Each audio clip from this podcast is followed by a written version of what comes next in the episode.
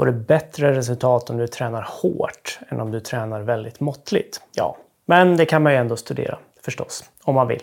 Och det har man gjort i en ny studie där man tog ett antal otränade människor och så utsatte man dem för löpträning under 26 veckors tid. Det är det första som är liksom intressant med den här studien, är att den är så pass långvarig. Så det här var egentligen en studie där man delade in de här deltagarna i två grupper. Där bägge grupper först fick träna 10 veckor på väldigt måttlig intensitet tre gånger i veckan. Det var 50 minuters pass på löpband där man skulle köra på 55% av ens hjärtfrekvensreserv. Jag återkommer till vad det är för någonting senare. Sen efter de här tio veckorna då delade de här grupperna på sig i termer av deras träning. Den ena gruppen fick fortsätta köra på den här måttliga träningen då i ytterligare 16 veckor.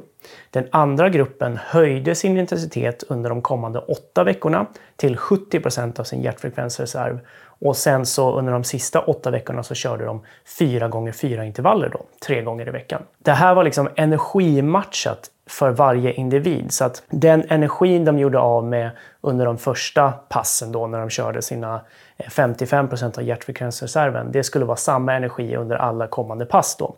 Och det här gjorde man genom att man mätte deras syreupptag, så man gjorde sån här indirekt kalori kalorimetri som det heter.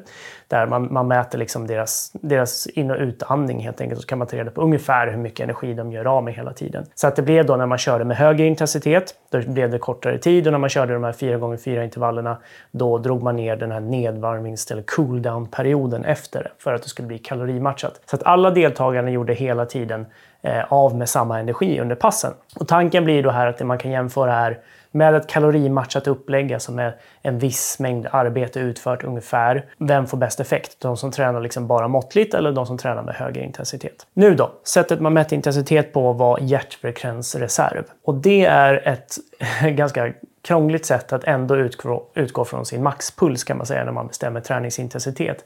Men man tar också hänsyn till ens vilopuls. Det man gör då för att bedöma 55 procent av ens hjärtfrekvensreserv, hur hårt är det?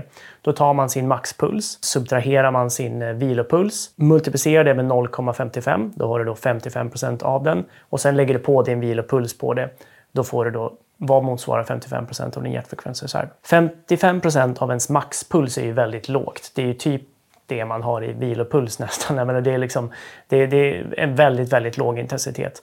Eh, 55 procent av ens hjärtfrekvensreserv är lite högre eftersom man då liksom börjar vid ens vilopuls. När man, det är liksom 0 procent och så går man till 100 procent som är ens maxpuls. Då.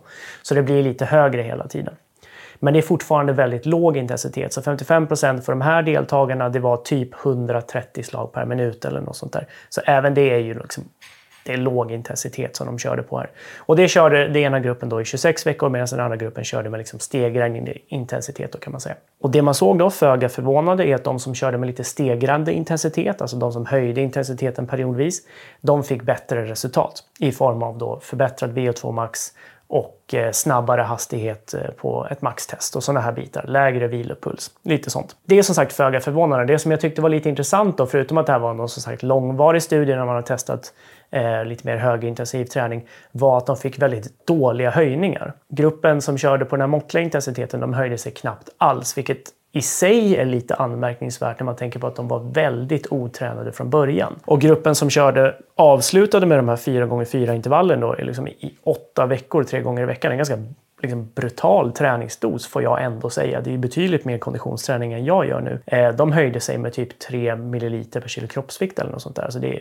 väldigt lite. Då kan man ju tänka sig att ja, det kanske var så att de inte gjorde alla pass. Men compliance, alltså hur, hur liksom väl man följde protokollet var typ 80-90 procent om jag minns rätt. Så det är ändå relativt bra. Alltså man gjorde den liksom absoluta majoriteten av alla passen. Så det tror jag man kan tillskriva att det var lite för lätt intensitet under större delen av tiden. Det var väl egentligen bara de här 4x4 intervallerna som faktiskt gjorde någonting för deras syreupptagningsförmåga här. Och då besvarar man återigen den här frågan då, är det bättre att träna hårt om man bara har en viss tid att träna? Ja, det är det. Eh, du får mer effekt av det helt enkelt. Men det säger också någonting om hur lite man faktiskt kan vänta sig av en ganska lång tids konditionsträning. Om du inte är liksom genetiskt predisponerad att verkligen svara väldigt bra på konditionsträning och få bra svar på ditt syreupptag med, med liksom lite träning så kan man ändå förvänta sig ganska ganska snåla resultat. Nu var de här lite mindre än vad man brukar vänta sig av liksom liknande typer av interventioner.